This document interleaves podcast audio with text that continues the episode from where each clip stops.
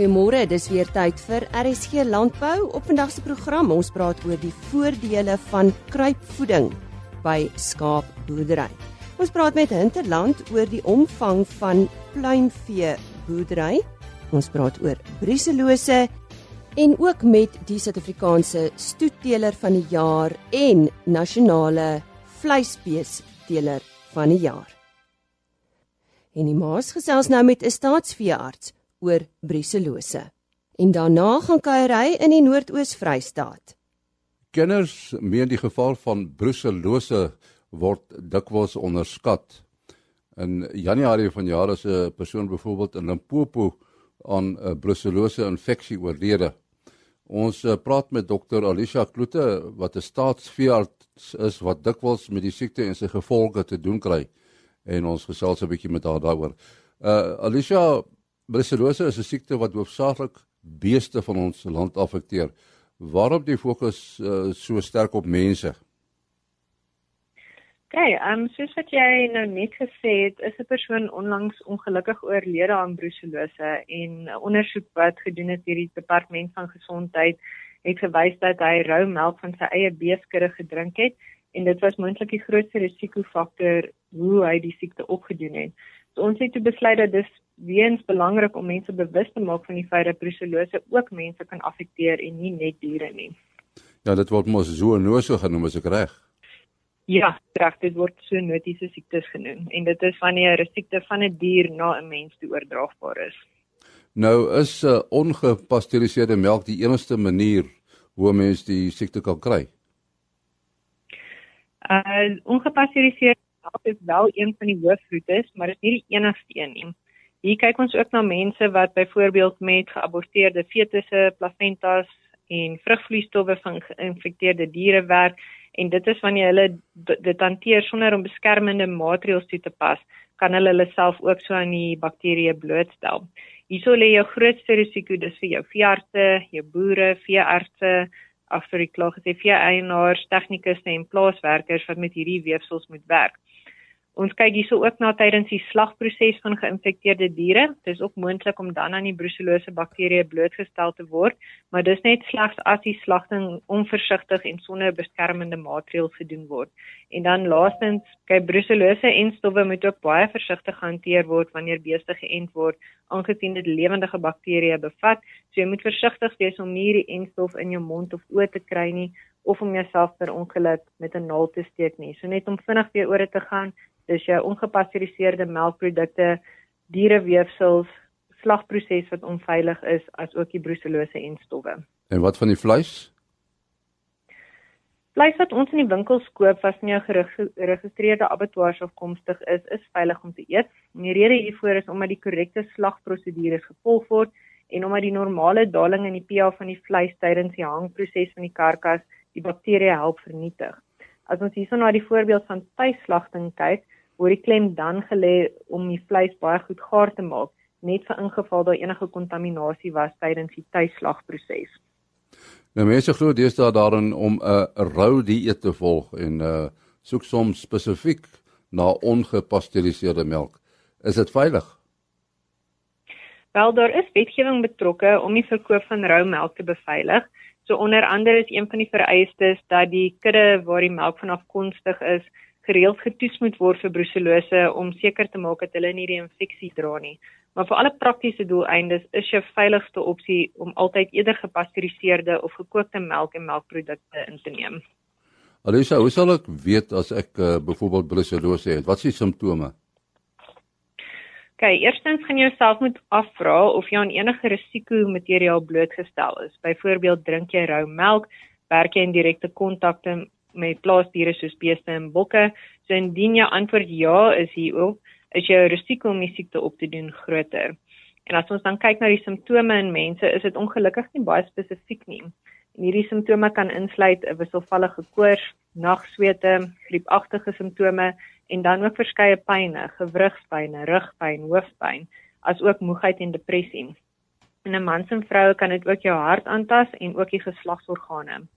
Hierdie simptome mag dalk self opklaar of dit kan oorgaan na 'n kroniese fase en dan kan jy aanhoudende probleme kry. Nou wat moet 'n mens doen as jy as jy dink jy het brucellose onderliede? Die goeie nuus hierso is dat daar wel behandeling vir mense is en as jy dit betyds kry, kan jy help voorkom dat die siekte oorgaan na daai kroniese of herhalende fase wat baie moeiliker is om te behandel. So die raad wat ek het is om na jou dokter toe te gaan as jy enige van die voorafgenoemde simptome ervaar en as jy aan enige risikomateriaal blootgestel is soos wat ons vroeër genoem het.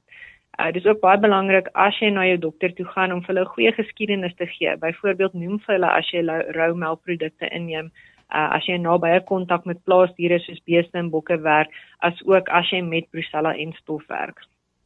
En wat van die wetgewing om hierdie siekte uh, en en dan die vee, hoe werk die inenting en die rapportering van die siekte? Ja, so ons eers fokus op die enting. Alle verskalwers tussen die ouderdom van 4 tot 8 maande in ons land moet geënt word met 'n geregistreerde brucellose enstof en tans het ons S19 en RB51 beskikbaar vir hierdie doel. Jy moet ons net onthou dat bulle glad nie geënt moet word nie. Ons moet ook net onthou dat enting een van die belangrike meganismes is om jou kudde teen brucellose te beskerm, maar dat dit alleen nie genoegsaam is nie. Jy moet ook verdere biosekuriteit maatreëls toepas op jou plaas, veral wanneer jy diere koop en wanneer jy jou eie diere skuif. Ek wil ook net vinnig ietsie noem oor toetsing. Dis baie belangrik dat jy wel jou kudde gereeld toets vir brucellose. Hier kyk ons na serologiese toetse wat gedoen word op die bloed van die diere en selfs al is dit in die eerste ronde negatief, moet dit wel 2 tot 3 maande later herhaal word. Dit is omdat brucellose kudde siekte is met 'n lang inkubasieperiode, so dis net om dubbel seker te maak dat hulle wel negatief is. Ook net jy om in ag te neem jy toets nie net enkele diere in jou kudde nie, jy toets die hele kudde. En dan laastens net in terme van rapportering, as 'n kudde positief toets, moet dit gerapporteer word aan die staatsveearts van die area en dit is om te verseker dat die geïnfekteerde kudde onder kwarantyne geplaas word. Eers is om te keer dat die siekte nie verder versprei na ander negatiewe kuddes toe nie, as ook om die boer dan verdere leiding te gee oor hoe om die siekte in sy of haar kudde te beheer. Het jy dalk nog so 'n uh, advies 'n punt of twee? Ja, in verband met brucellose in mense, sal ek altyd sê voorkoming is altyd beter as genesing. So hierso is dit belangrik om verkieslik slegs jou gepasteuriseerde of gekookte melkprodukte te gebruik. As jy self diere slag of as jy met geboorte materiaal van diere soos beeste en bokke in kontak kom, maak seker dat jy byvoorbeeld 'n oorpak, handskoene, bril en verkieslike gesigmasker dra en dis net om te verhoed dat jy nie met daai brucellose bakterieë in kontak kom nie. As ook dan enige oppervlak wat in kontak kom met hierdie tipe diereweefsels moet deeglik ontsmet word met die korrekte chemiese middels of gebrand word. En dan 'n laaste ding waarmee ek die luister luisteraars wil los, is dan natuurlik die beste manier om brucellose in mense te voorkom, is om die siekte in diere te beheer. So as jy self plaasdiere soos beeste of bokke besit, toets hulle gereeld vir brucellose en maak seker dat jy goeie maatreëls in plek stel om jou kudde veilig te hou. So moenie diere van onbekende brucellose kudde status inkoop of op jou velde laat wy nie. En as jy self beeste besit, maak seker dat al jou verskalwers tussen die ouderdom van 4 tot 8 maande geënt word. Uh en onthou net om hierdie enstof wel veilig en verantwoordelik te gebruik. Ja, ons hartlike dank aan Dr. Alicia Kloete wat 'n staatsveearts is wat gesels het oor brucellose.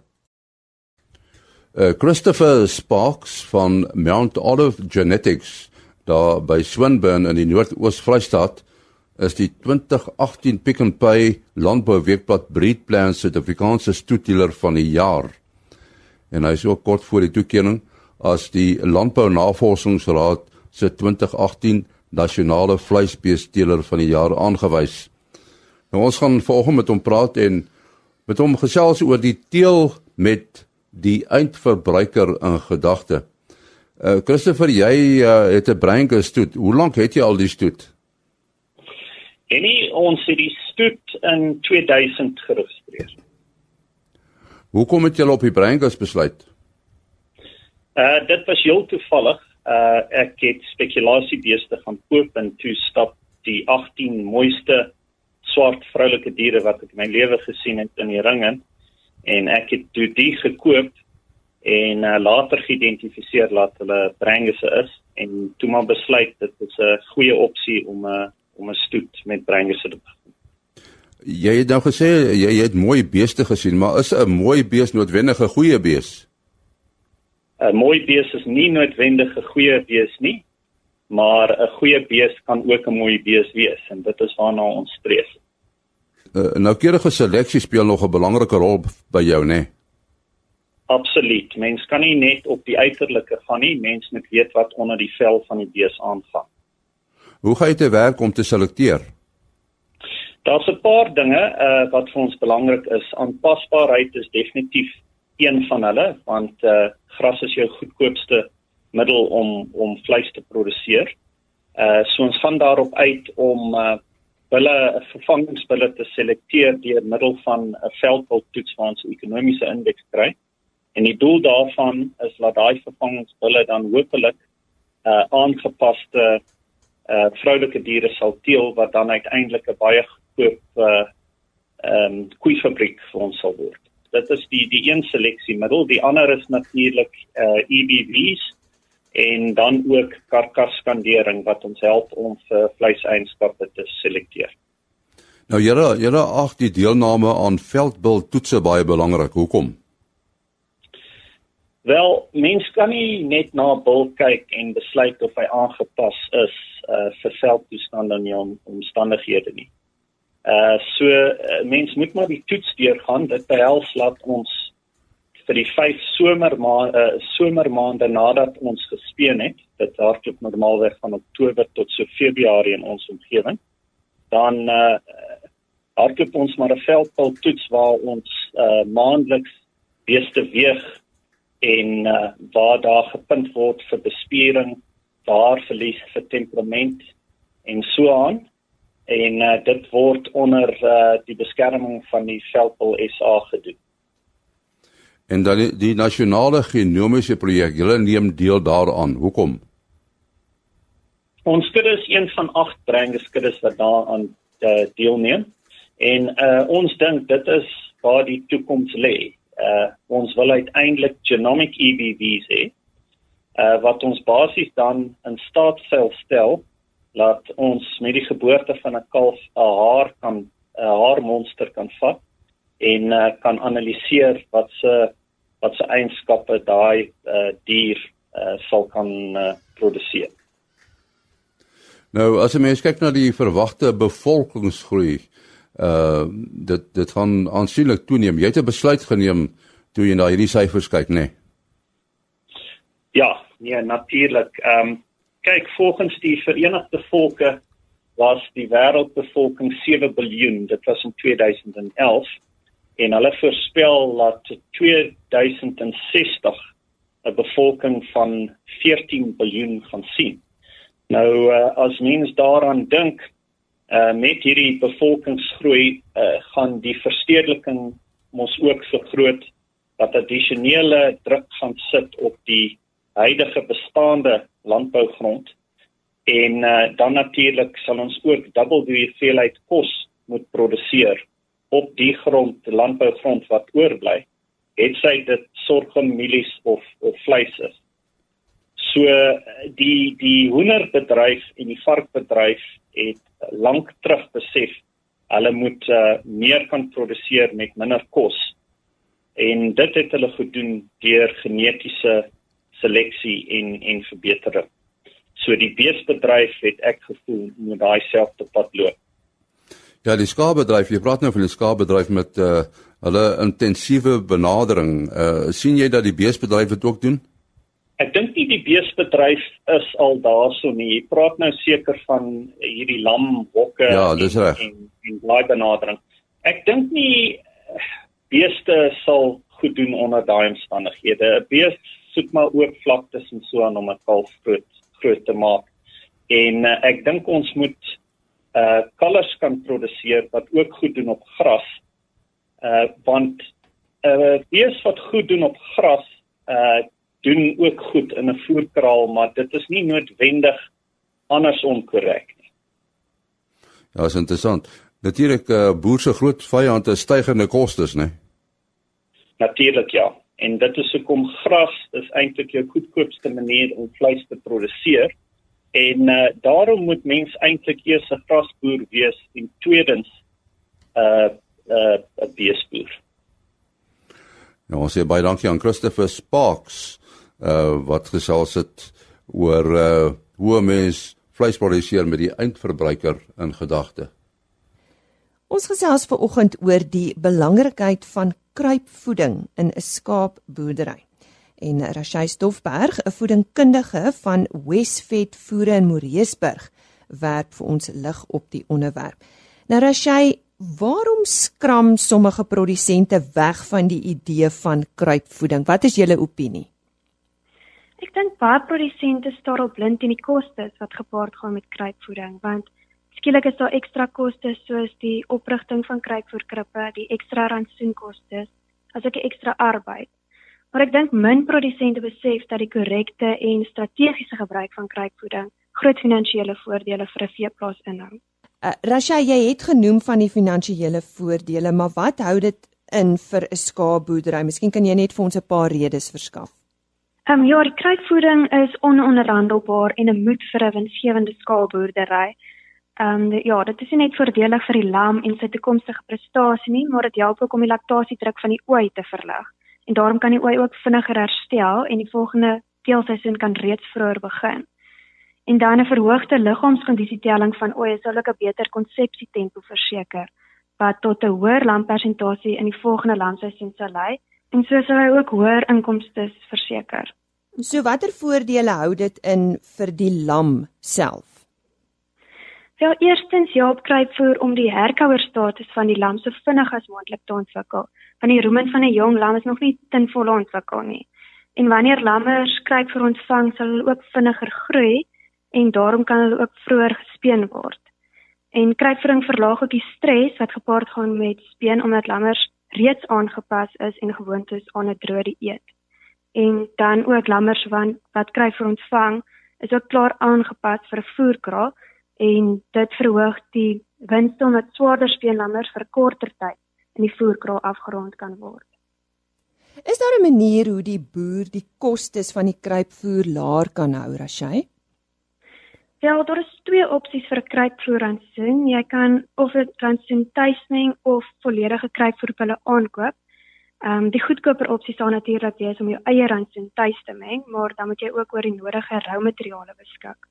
Ek sou egter voor um, om kruisvoerpille te gebruik omdat dit reeds gebalanseerd geformuleer is en mens ook beter inname verkry wat weer verseker dat lammers vinniger sal groei. En ek het al gevind dat tuismengrantsoene soms baie stowwerig is wat aanleiding gee tot swak inname en probleme met lammers se longe en oë. Het jy raad oor die inhoud van kruipvoer? Dit is baie belangrik dat die kruipvoer uit goeie kwaliteit bronne bestaan wat ook maklik verteerbaar is en dit moet ook 'n baie smaakliker rantsoen wees om sodoende innames aan te help. Daar moet veral gelet word op goeie kwaliteit energiebronne en tesame met dit hoë deurvloeiproteïenbronne. En die keuse van jou rifoerbron is ook uiters belangrik. 'n Hoë kwaliteit blaarryke lucerne is hier van die beste opsies. En dit moet ook 'n volledige reeks vitamiene en mineraalvoormengsel insluit, asook bymiddels om nierstene en koksidiose te help beheer. Wat beveel julle aan wanneer moet lammer kruipvoer kry? Lammers kan so vanaf 7 tot 10 dae ouderdom af kruipvoer ontvang. Uh die eerste paar dae sal hulle net pesel en dan so van die 3de week af sal hulle opsigtelike innames begin toon. En die rede waarom lammers so vroeg al kruipvoer ontvang is omdat hulle rukkie neem om gewoon te raak aan die kruiphok en ook om te leer om die kruipvoer te vreet. En hoe vroeër die lam kruipvoer vreet, hoe vroeër kan sy rumen begin ontwikkel. Hoe belangrik is die regte kruipvoerkrippe? Daar is baie verskillende patente en soorte kruipvoerkrippe wat tans in Suid-Afrika gebruik word. Dit hang net egter af wat die beste by 'n spesifieke plaas sal werk. Dan moet byvoorbeeld seker gemaak word dat die kruip op maat is geskik is vir die spesifieke ras waarmee jy boer, asook vir die speengewig van die lammers. En dan ook die opening waar die lammers moet kruip moet sit tussen 20 tot 25 cm wees en die voorgestelde kripspasie is ongeveer so 5 cm per lam. En verder moet dan net seker gemaak word dat die kruiparea genoeg voer en skoon water bevat en die bedding moet net altyd gemaklik droog en skoon wees. Nou ja, sê baie dankie aan Rashay Stoffberg. Sy is 'n voedingkundige van Westvet Voere in Moreesburg en sy het met ons gesels oor die belangrikheid van kruipvoeding in 'n skaapboerdery. Ons sluit vandag se program af met hierdie week se gesprek met Hinterland. Ons uh, gesels nou met Frans Walle Gransie van Hinterland en ons gaan met hom praat oor uh pluimvee boerdery. Uh, Frans, wat is die omvang van uh hoenderboerdery, pluimvee boerdery in Suid-Afrika oor die algemeen? Ja, en dit speel 'n groot rol in Suid-Afrikaanse ekonomie. Ons bruto landbouproduksie van hoendervleis laas jaar was 44 miljard rand gewees. As ons kyk na die hoeveelheid uh diereproteïen wat plaaslik geproduseer word, as mens nou melk weglaat, is ons pluimveeproduksie 64.4% van ons plaaslike diereproteïen. Nou dit speel duidelik 'n 'n groot rol in die Suid-Afrikaanse dieet. En as jy gaan kyk na die per capita gebruik, uh eet Suid-Afrikaners 46.2 kg pluimvee per jaar. As jy dit vergelyk met van jou ander vleisbronne, beesvleis staan op 17.8 varkvleis op 4.6 en dan skaap en bok op 3.2. So dis duidelik 'n groot rol in die Suid-Afrikaanse mark en ons het teen die einde van verlede jaar 18.9 miljoen braaikykens per week geslag. Wat hierdie syfer baie interessant maak is as jy na die groot prentjie gaan kyk van die Suid-Afrikaanse pluimveemark, is die groot ouens verantwoordelik vir die oorgrootste meerderheid van produksie. Maar wat baie interessant is, is die groot informele sektormark wat bereken word op so 8% van die totaal. En dis in hierdie informele sektormark waar daar baie potensiaal is vir groei. En en die hele ding van kyk en groot maak, wat maak dit so geskik vir byvoorbeeld 'n klein hoewe eienaar? Soos ons nou genoem het, is daar 'n lekker groot mark reeds vir dit. En dan is dit baie lekker leerskool hier nie. Uh, jy het lae kapitaal insette om met hoenders te begin boer.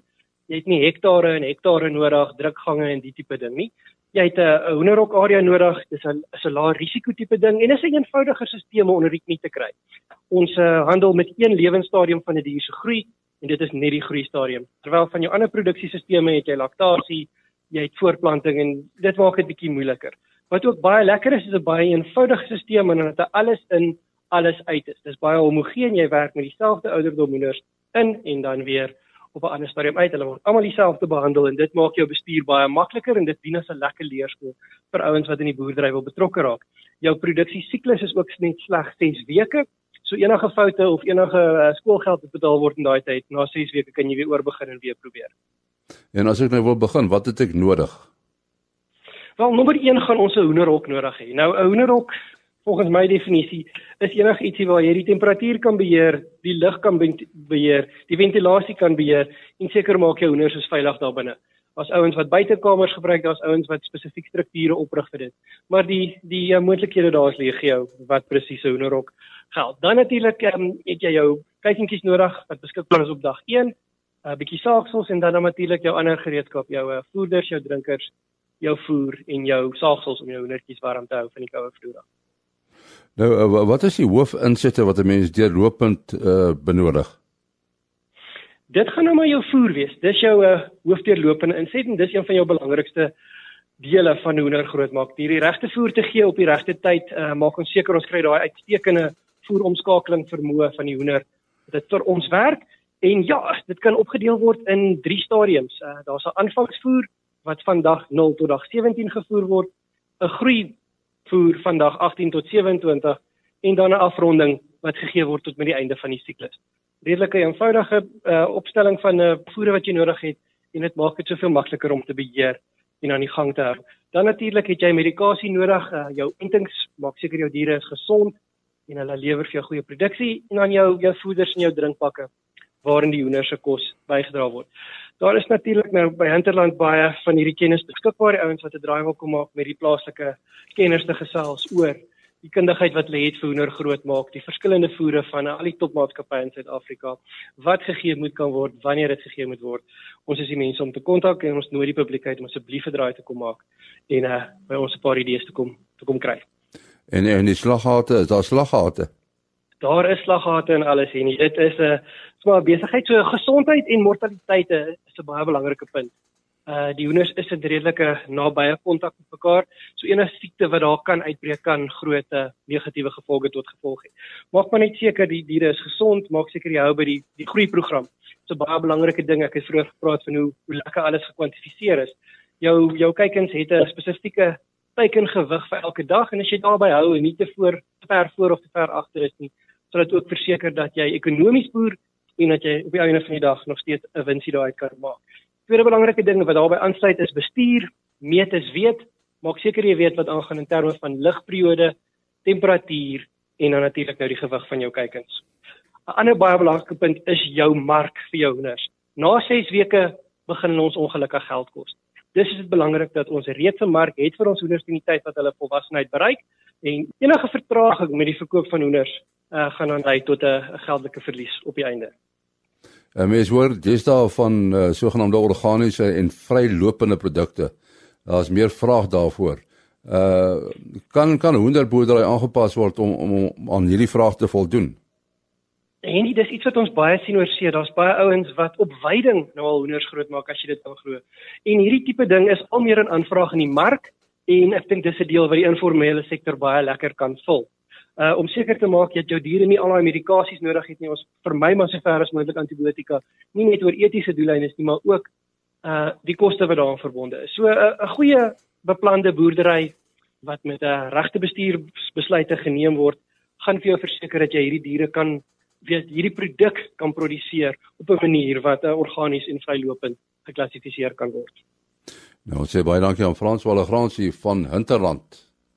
Dankie Henny en dis dan waar ons uh, haltroep vir vandag. Sluit gerus môreoggend weer by ons aan. Ons praat dan met 'n uh, eh, SA stamboek oor die belang van teeler genootskappe en ook met Graan Suid-Afrika oor hulle afgelope kongres. RSG Landbou is 'n produksie van Plaas Media. Produksieregisseur Henny Maas. Aanbieding Lisa Roberts. En inhoudskoördineerder Jolandi Root.